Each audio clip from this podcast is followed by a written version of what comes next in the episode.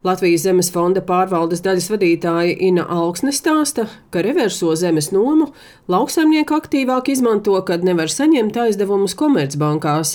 Ja sākotnēji to aktīvāk izmantoja lauksaimnieki zemgalē un kurzemē, tad tagad visos reģionos. Jāsaprot, ka šī būs īpašuma pārdošana uz laiku Latvijas zemes fondam.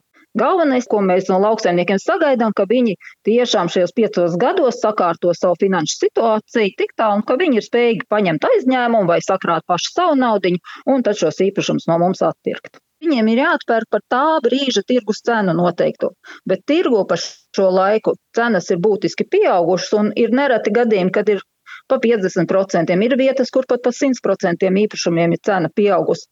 Zemgalē, protams, ir visaugstākās šīs cenas, kur tad, tad ir vidēji 9, 10, pat 11 tūkstoši pa kvalitatīvākajām zemēm.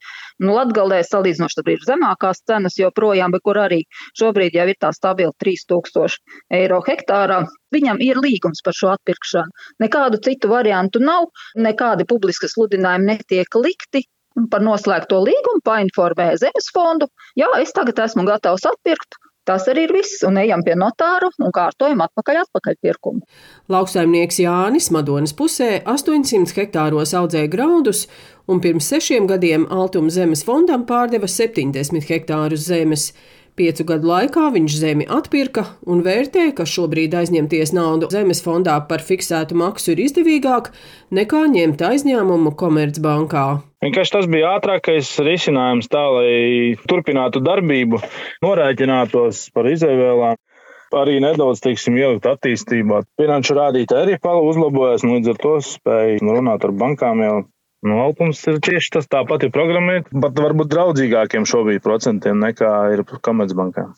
Neviens jau nezina, kas būs nākošais, kas būs finanšu tirgos, kas notiks ar naudu, cik viņam būs dārgi vai viņam būs lētāk.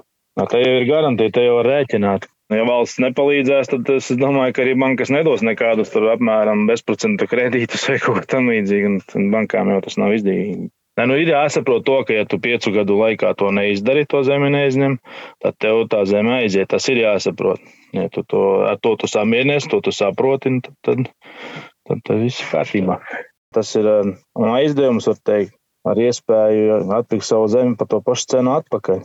Zemes fonda pārvaldes daļas vadītāja Ina Augsne stāsta, ka pieteikties zemes reversijai nomai var elektroniski Altuma mājaslapā, un pāris dienu laikā Zemes fonds sniegs savu novērtējumu.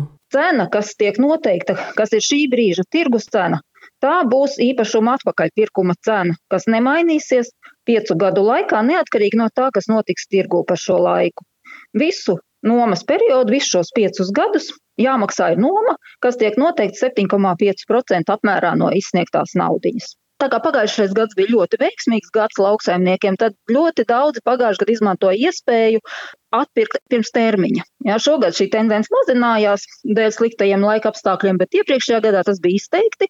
Un kopā šobrīd ir atpirkti 165 īpašumi, un šobrīd procesā ir vēl apmēram 15.